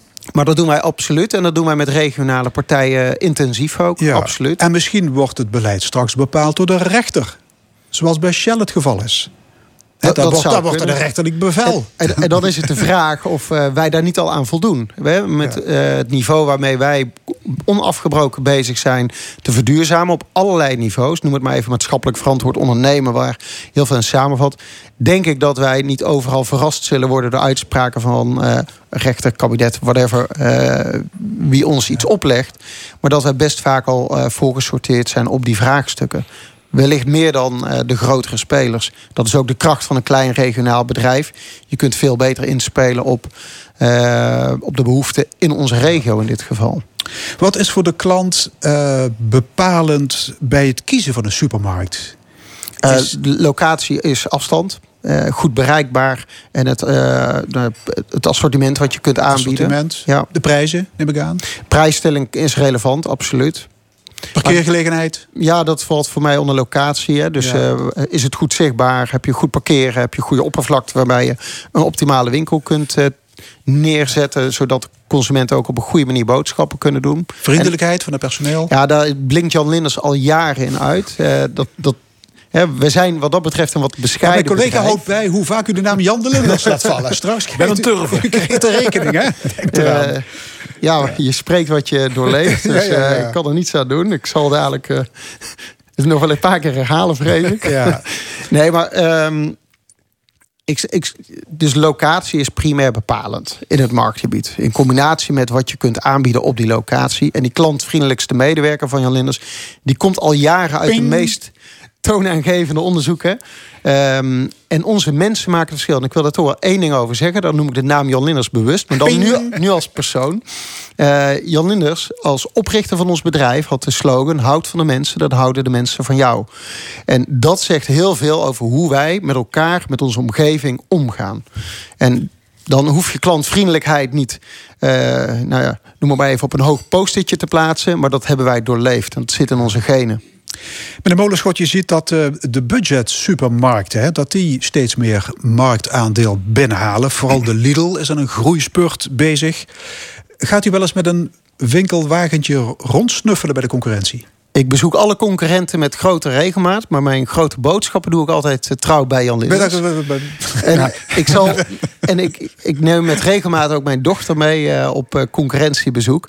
Want als je als normale klant... Hoe oud is uw dochter? Ik heb er twee. Eén uh, is drie uh, en één is vijf. Ja, dan weet ik op welk niveau dat die kijken. Hè. Dat, uh, dat, dat, dat is snoepgoed, geloof ik, nou, hè, op, die, in, op die hoogte. In, in coronatijd moeten ze plaatsnemen in het winkelwagentje. Hè. Dus netjes, nou, noem maar even, in een gecontroleerde omgeving.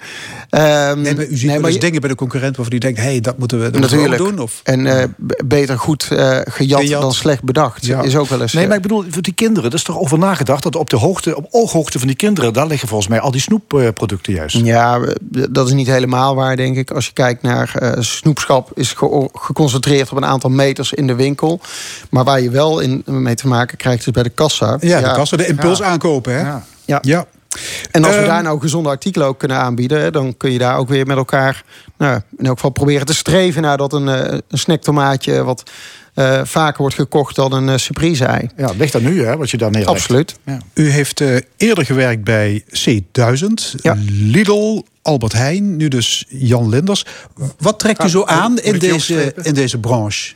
Ik ben um, gestart als 15-jarige vakkenvuller. Vervolgens uh, heb ik uh, na het afronden van mijn studie een, uh, een horecabedrijf opgericht samen met een compagnon. En ik kwam tot de conclusie dat ik de food retail heel erg veel leuker vond dan horeca. Uh, waar ik overigens een hele mooie tijd heb beleefd. En uh, mijn huidige partner uh, en moeder van onze kindjes ben tegengekomen 16 jaar geleden. Um, en ik heb mijzelf doorontwikkeld op basis van waar ik voelde dat ik mezelf in kon ontwikkelen en kon doorgroeien. En dat was de reden ook om uh, vanuit Lidl een doorstap te maken naar C1000. Op dat moment de tweede partij in de markt. Met ondernemers georiënteerde structuren in plaats van filialen. Ja. En, um, en u zit nu in een familiebedrijf. Nou, ja, maakt dat, dat toch iets uit? Ja, dat maakt heel veel uit. Het is echt uh, heel erg mooi. Dat, dat, betekent overigens wel dat je op een andere manier uh, besluiten neemt. En uh, op een andere manier georganiseerd bent. Al had C1000, ondanks dat dat een voormalig beursgenoteerd bedrijf is... een hele hoge familiaire kernwaarde. En dat was voor mij ook de reden om vanuit C1000... die overgenomen werd door Jumbo... niet voor Jumbo te kiezen, maar voor Jan Linders. Omdat de organisatie kleiner is noem het platter, meer breedte om mijzelf in de breedte te ontwikkelen. Hè, dus meer kans. En dat is ook wel een groot compliment, denk ik, aan Leo Linders. Die uh, toch het bedrijf lang onder zijn hoede heeft gehad. Ja, ja, ja, voorganger is niet helemaal het juiste woord. Want Leo Linders is directeur, groot aandeelhouder van het bedrijf. En dan nu groot aandeelhouder. Uh, en ik ben gewoon, uh, noem maar, maar even, extern ingehuurde directie. Ehm, maar ik heb mijzelf wel gerealiseerd wat ik waarde is van een familiebedrijf. Die ik bij Ceduis overigens ook vond. En dat is dat je vertrouwen krijgt om jezelf in de breedte te ontwikkelen. En daar hoort ook falen bij. Als je vanuit je falen leert, kun je door. En uh, mag je je vervolgstappen leren. Dus geen angstcultuur, maar een stimulerende cultuur die uh, groei bewerkstelligt. Laatste vraag. Ik zie dat overal het aantal kassa's aan het krimpen is. Moeten uw klanten straks ook allemaal aan de zelfscanner? Wij uh, zijn ook bezig met zelfscan op drie manieren. Dus op eigenlijk de traditionele Nou, je hoeft niet allemaal uit te leggen, maar eigenlijk op het werk van de cashier op het bordje van de klant. ja, als je het zo uitlegt wel. Technologisch wordt er anders naar gekeken. Klanten vinden het heel fijn als zij zelf hun boodschappen kunnen afrekenen. Dat is precies die technologische investering die daarvoor nodig is. Die overigens complex en ingewikkeld is. Uh, en dat vraagt echt serieuze kapitaalinvesteringen uh, om dat uh, te doen. Dus het werk van de cashier, want daar kom je dan misschien op, verandert. Maar het is niet ons doel om de cashier weg te saneren. Het is ons doel om alle mogelijkheden voor het afrekengebied aan te kunnen bieden waar klanten behoefte aan hebben. Ferry Molenschot, algemeen directeur van Jan Linders Supermarkten. Hartelijk dank. Graag gedaan. En dit is de stemming. Elke zondag van 11 tot 1 uur op L1 Radio. We gaan luisteren naar Babylon. Hier is David Gray.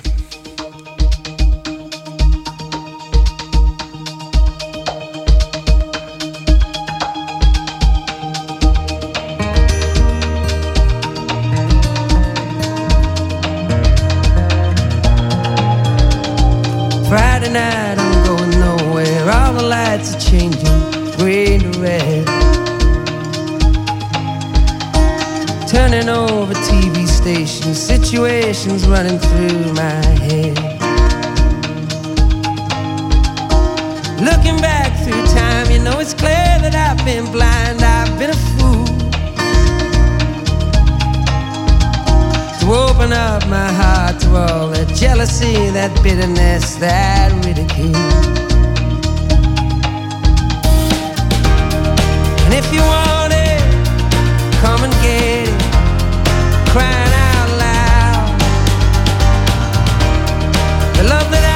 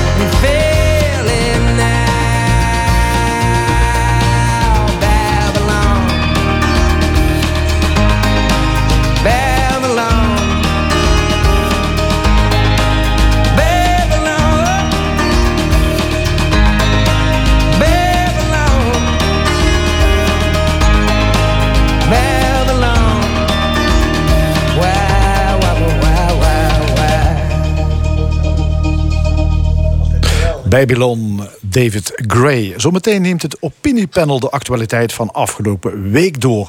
Maar eerst is hier journaliste Nina Bokke met haar blik op het nieuws. De column. Vandaag met Nina Bokken. Toen ik gisteren niets vermoedend op de bank zat, werd ik plots opgeschrikt door luid geklapper van vleugels.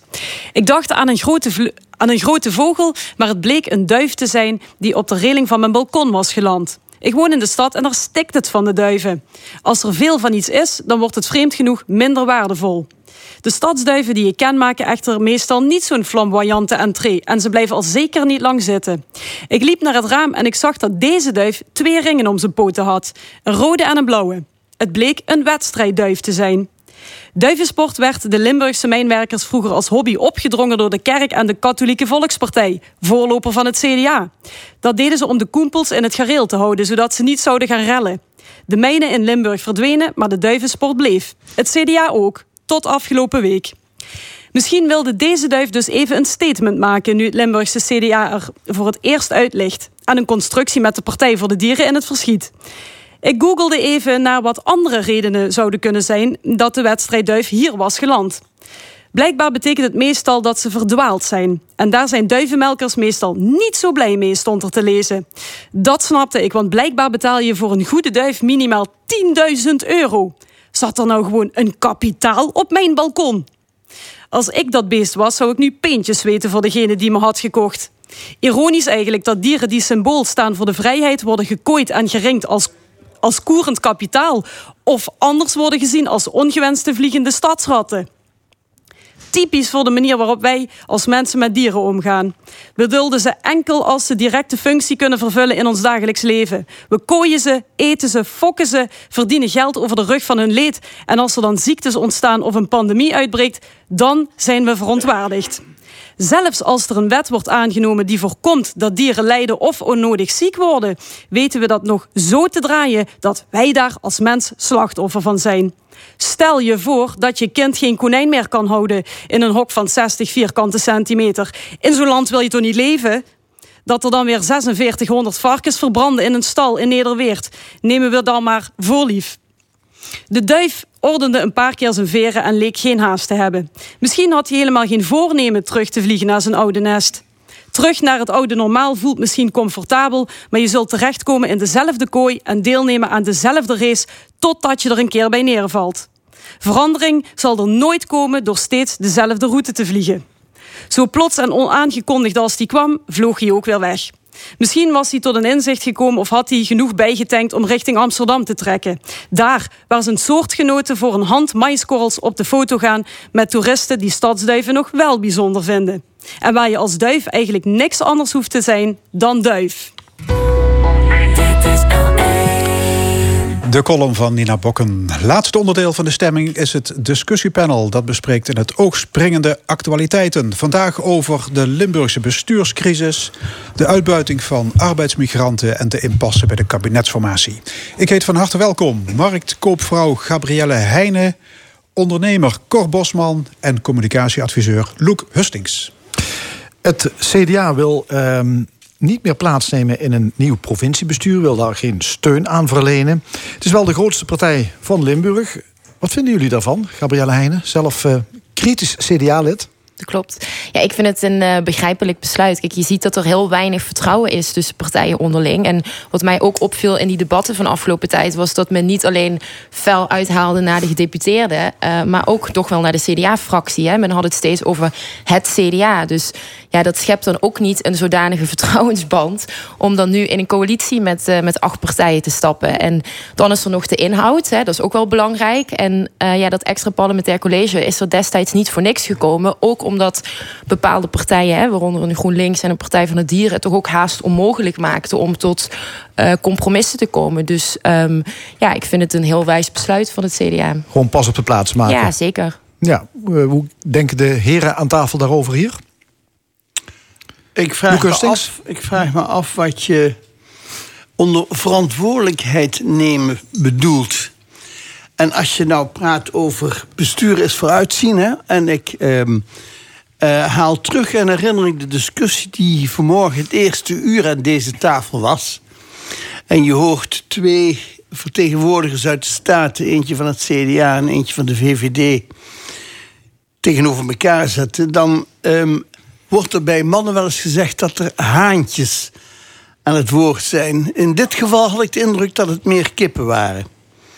En ik ben in hoge mate verbijsterd en ehm, ook teleurgesteld in de opstelling van de Staten ten opzichte van de verantwoordelijkheid die ze hebben om het bestuur in Limburg goed te laten verlopen.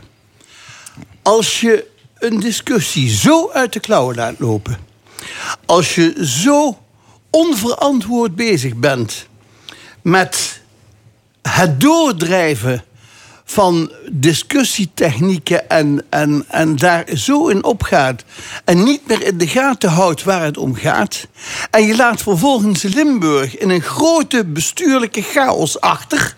Want dat is toch wel de consequentie van het verhaal. Dan moet je je afvragen of besturen hier nou vooruitzien was. Nou, ik heb daar mijn ernstige twijfel over.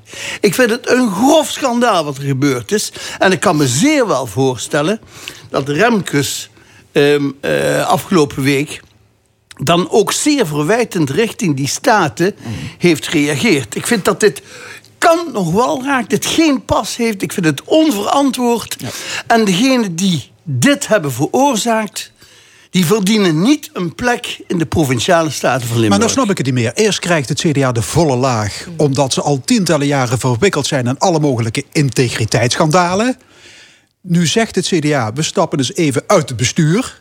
En nu zit het weer niet goed. Ja, nee, maar wacht eens even. Als je nu ehm, eh, de grootste partij bent, toevallig weliswaar, maar met, met zeven of negen zetels, maar goed. ehm, en je doet niet mee. Dan weet je dat je daarmee een nog grotere chaos creëert dan er al was. Want dan krijg je dus een... Maar, maar, onbes- maar, maar blijven eh, regeren eh, kan toch ook geen oplossing zijn in dat geval? Ja, en, en ook het risico is er natuurlijk. Hè. Als je bijvoorbeeld ziet wat Remkes ook zei over het harde optreden van de provinciale staten tegen de oud-gouverneur Theo Bovens. Eh, eigenlijk hebben ze hem toch wel te snel voor de bus gegooid. Dus het risico voor nieuwe bestuurders is ook vrij groot dat je ook net zo snel weer eh, voor de bus wordt gegooid. Dus ehm, ik denk ook inderdaad dat die provinciale staten ook eens goed naar zichzelf moeten kijken. Want het ging er in het debat. Hè, ik zag ook bijvoorbeeld statenleden met een telefoon in de hand zelfs eh, vragen stellen. Dan is het prima als je natuurlijk door een journalist gevoed wordt. Maar het moet natuurlijk niet zijn alsof de journalist daar in de zaal staat. Eh, dus dat zegt ook al wat over die staat. Hè. Remkes heeft het zelf ook gezegd. Men schreeuwt nu moord en brand. Maar bij heel veel dingen heeft men of ingestemd of nooit op geacteerd. Dus ehm, ja, ik denk dat wat, wat zelfreflectie op dit moment ook wel eh, nodig is. Cor Bosman, hoe kijk jij ernaar? Ja, het is al eh, gezegd, eh, PS die moet, eh, die moet nu beginnen met de verantwoordelijkheid te nemen. En alles, alles wat er verder omheen hangt, dat vind ik gewoon geneuzel. Dat vind ik, vind ik jammeren. Eh, je weet als je de politiek ingaat, het is gewoon een vuil spelletje wat er gespeeld wordt. Maar vind jij dan dat CDA dus gewoon weer eh, gedeputeerden zou moeten leveren en een- aan een coalitie moet vind, deelnemen? nou, wat ik vind is, is, is niet zo belangrijk. Eh, eh, ik vind Nou, aan wel, deze tafel wel. Ik vind, CDA, ik vind CDA wel een slechte verliezer in deze. Dat ze zich op die manier opstellen. Eh, en vooral omdat ze dan het... eh, eh, zo, zoals dan gedaan wordt van... ja, kijk, wij, wij willen nu onze verantwoordelijkheid nemen. Ik vind dit juist geen verantwoordelijkheid nemen. De verantwoordelijkheid die begint bij PS. En waar het grote probleem zit, is wij hebben geen, wij hebben geen volksvertegenwoordigers meer. Wij hebben partijslaven. Of ze nou van de CDA of van de VVD of van de PVV, het maakt niet uit van welke partij.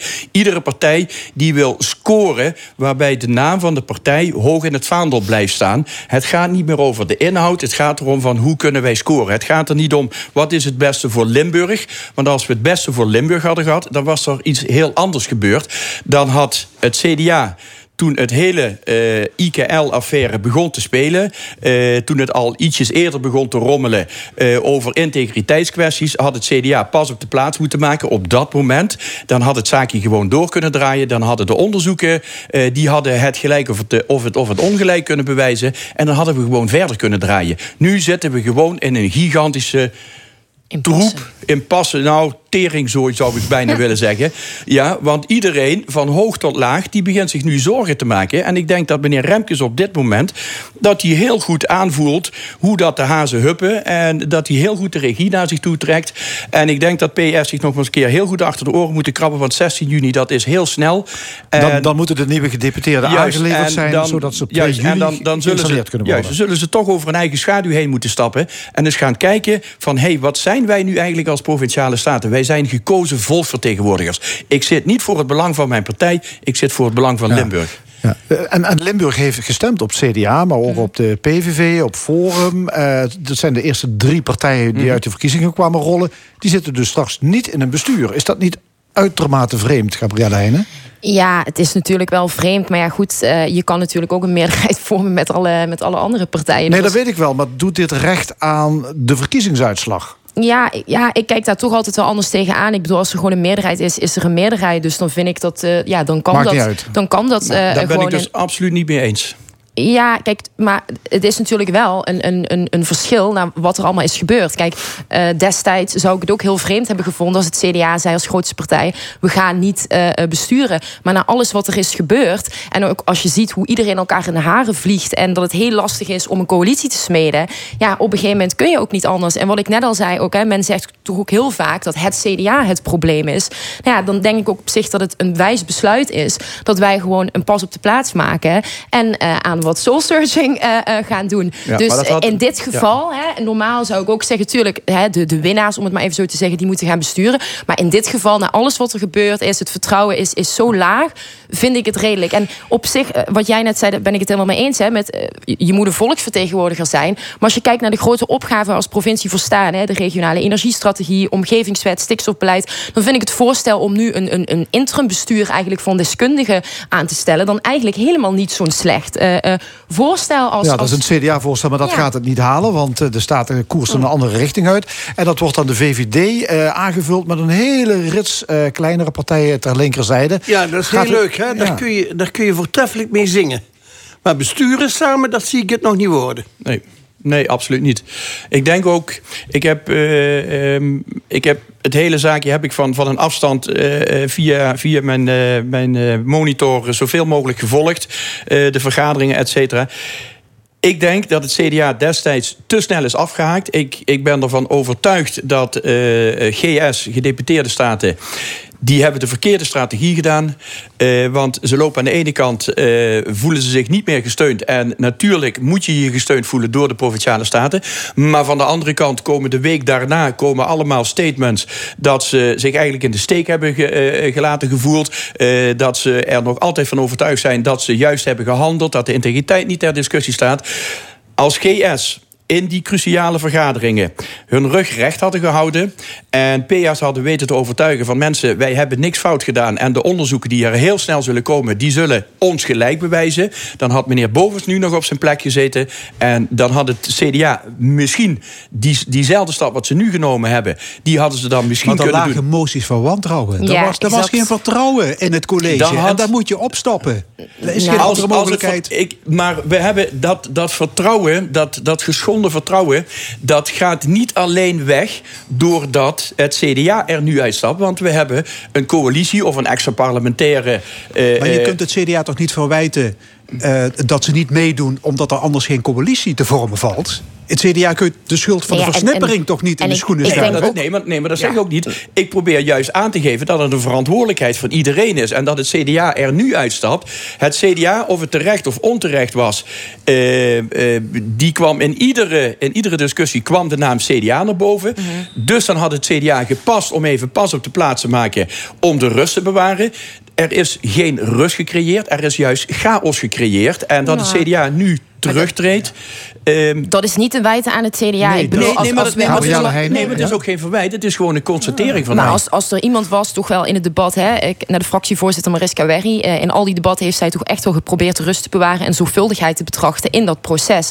En kijk, ik denk nog steeds dat het een wijs besluit is geweest van, van Ger Koopmans en Hubert Makkers om af te treden. Want als je aanblijft en inderdaad het vertrouwen is weg en hè, er komt weer het volgende schandaal naar boven, dan blijf je eigenlijk aanmodderen. Ik denk dat dat het aanzien eh, eh, van de provincie al helemaal niet ten goede komt. Oké, niet alleen in het gouvernement, ook in Den Haag zit het formatieproces muurvast. Uh, informateur Hamers die werd verzocht om vandaag met een advies te komen. Uh, maar die deadline die haalt ze niet. Waar is de impasse aan te wijten?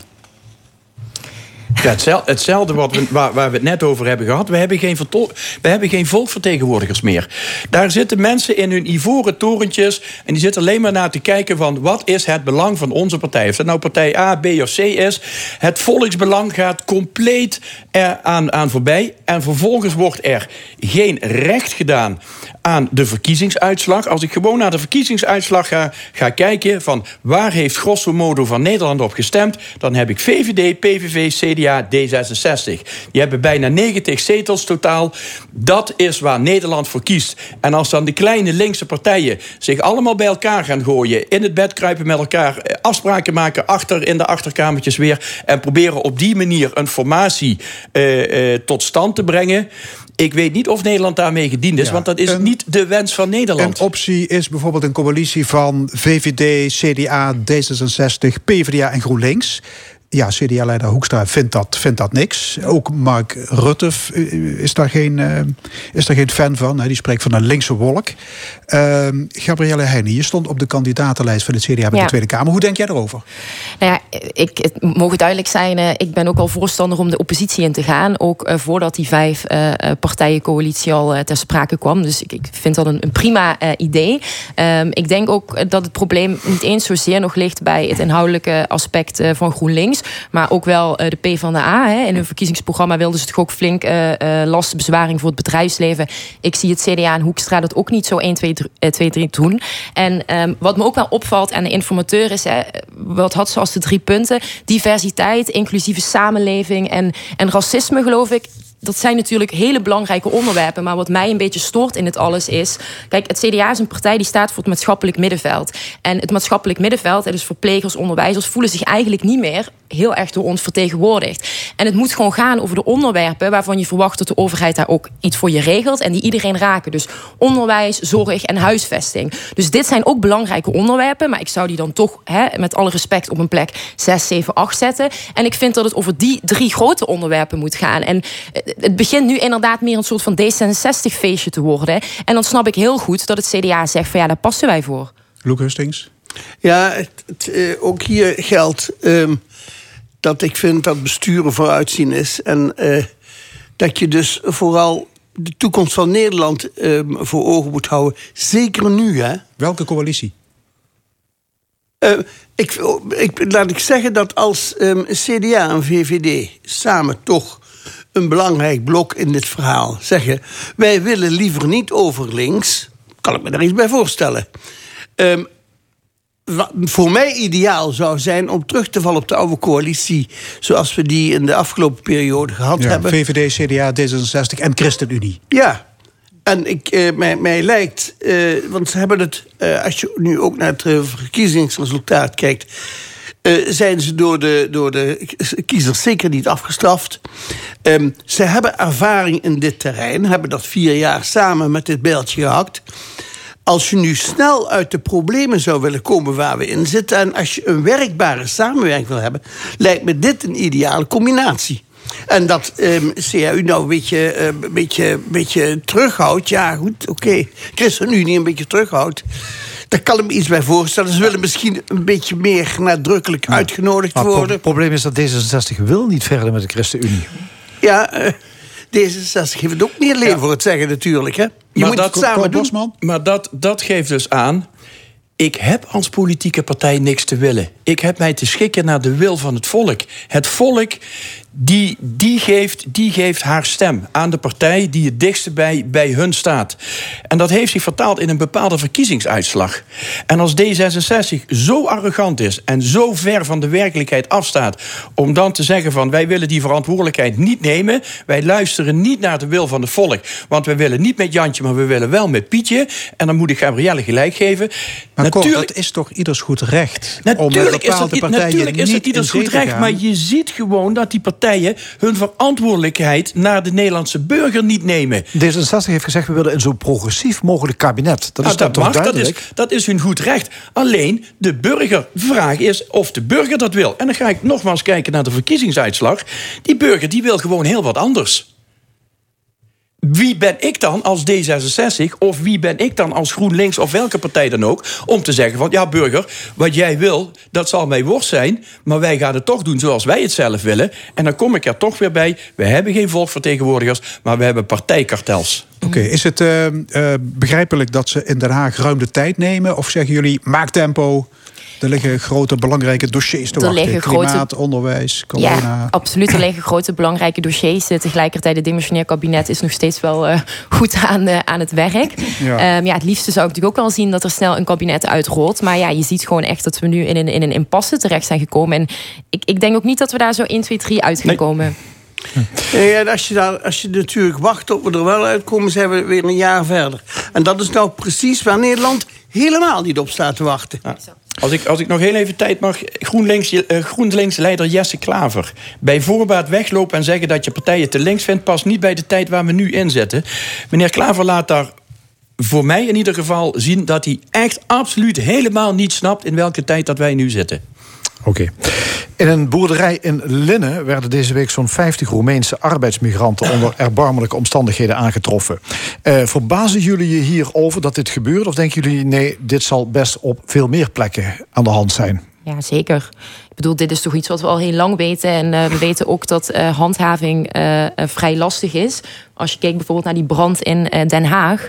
ehm, dan keken ze dus voor, voor wanneer het laatste melding was gemaakt. Dat was 2013. Dus het is ook heel lastig om erachter te komen eh, dat eh, mensen worden uitgebuit. Dus het gebeurt, we weten het. Ja, en we moeten nu gewoon gaan kijken hoe kunnen we eh, gaan handhaven. En hoe kunnen gemeenten ook echt daadwerkelijk iets doen. Want daar zit het hem vaak in. Gemeenten willen wel, maar hebben weinig mogelijkheden. Ja, de gemeente Maasschouw, waar Linnen onder valt, eh, had ook niet echt een heel duidelijk beleid. Ik geloof er is ingegrepen op basis van de APV. Maar dat was ook, eh, ja, ze, ze, hebben echt gezocht naar een mogelijkheid om te kunnen ingrijpen. Er, er, er, er vigeren op dit moment diverse wetten langs elkaar die, die, die geen eenheid vormen.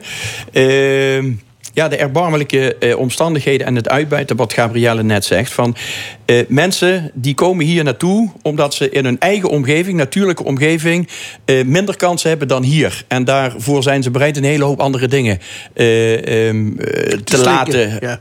dat, dat mensen dan onder slechte omstandigheden moeten zitten, dat vind ik absoluut niet kunnen.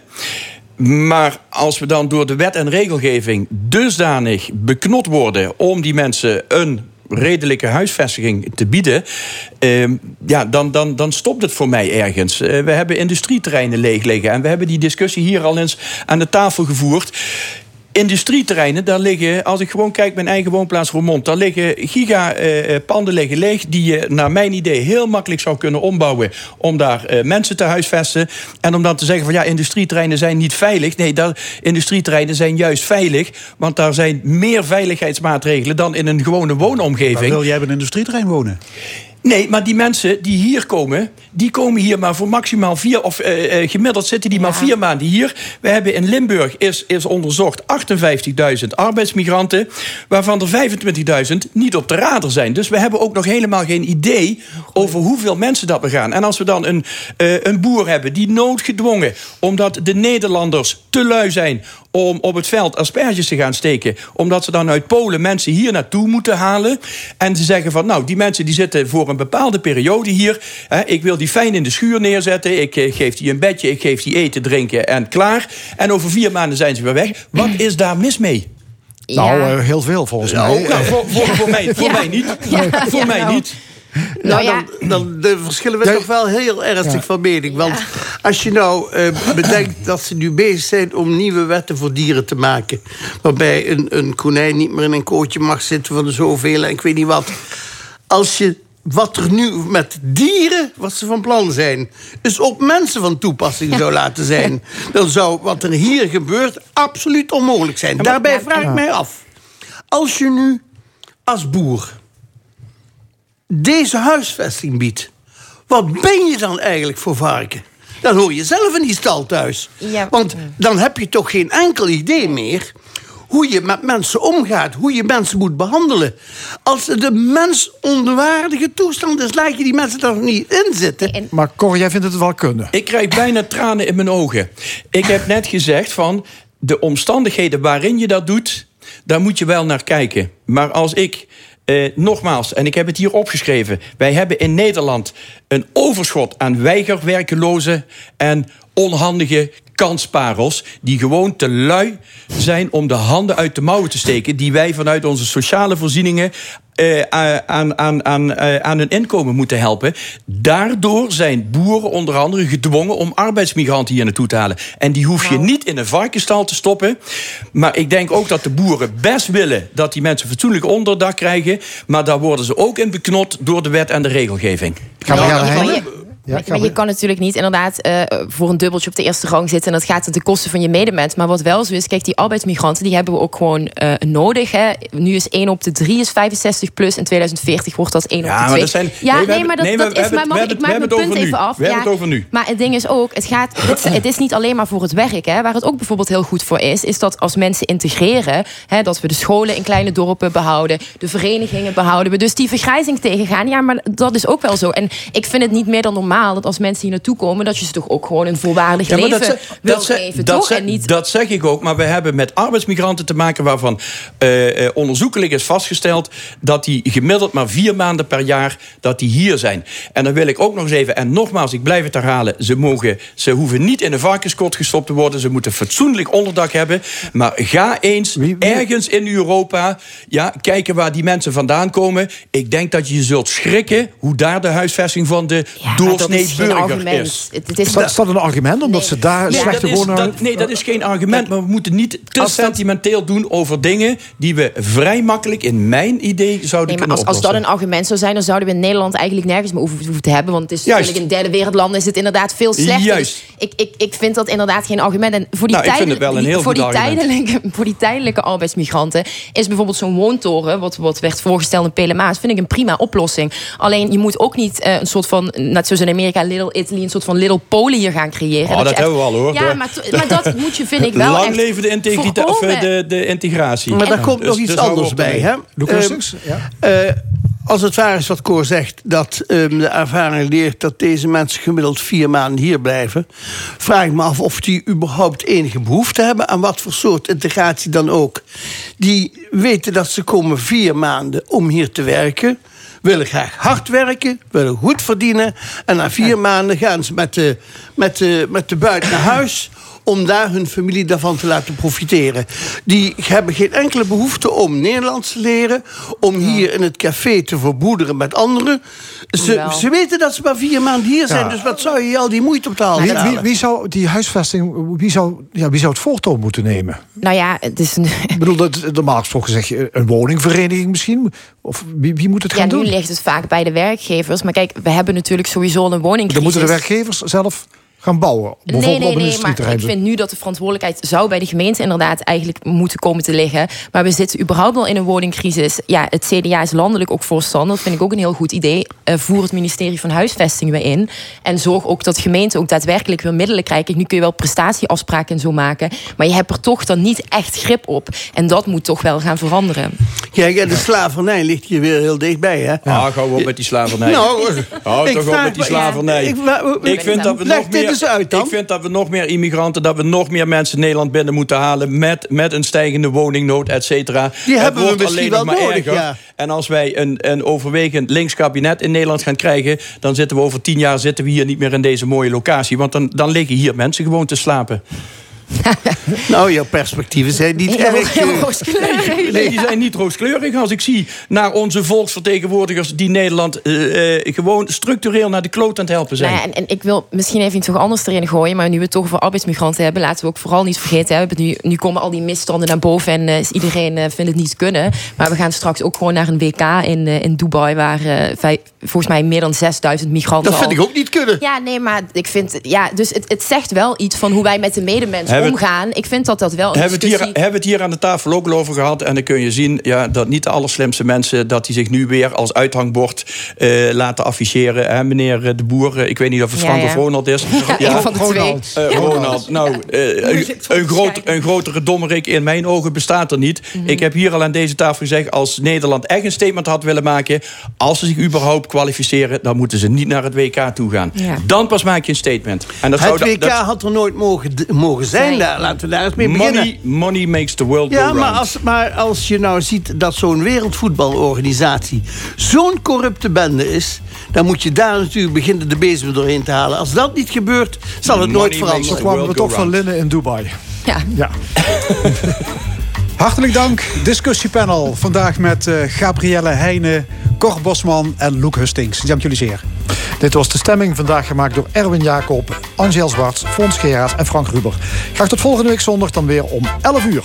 Dit programma wordt herhaald maandagavond om 8 uur... en is ook te beluisteren via onze website l1.nl en via podcast.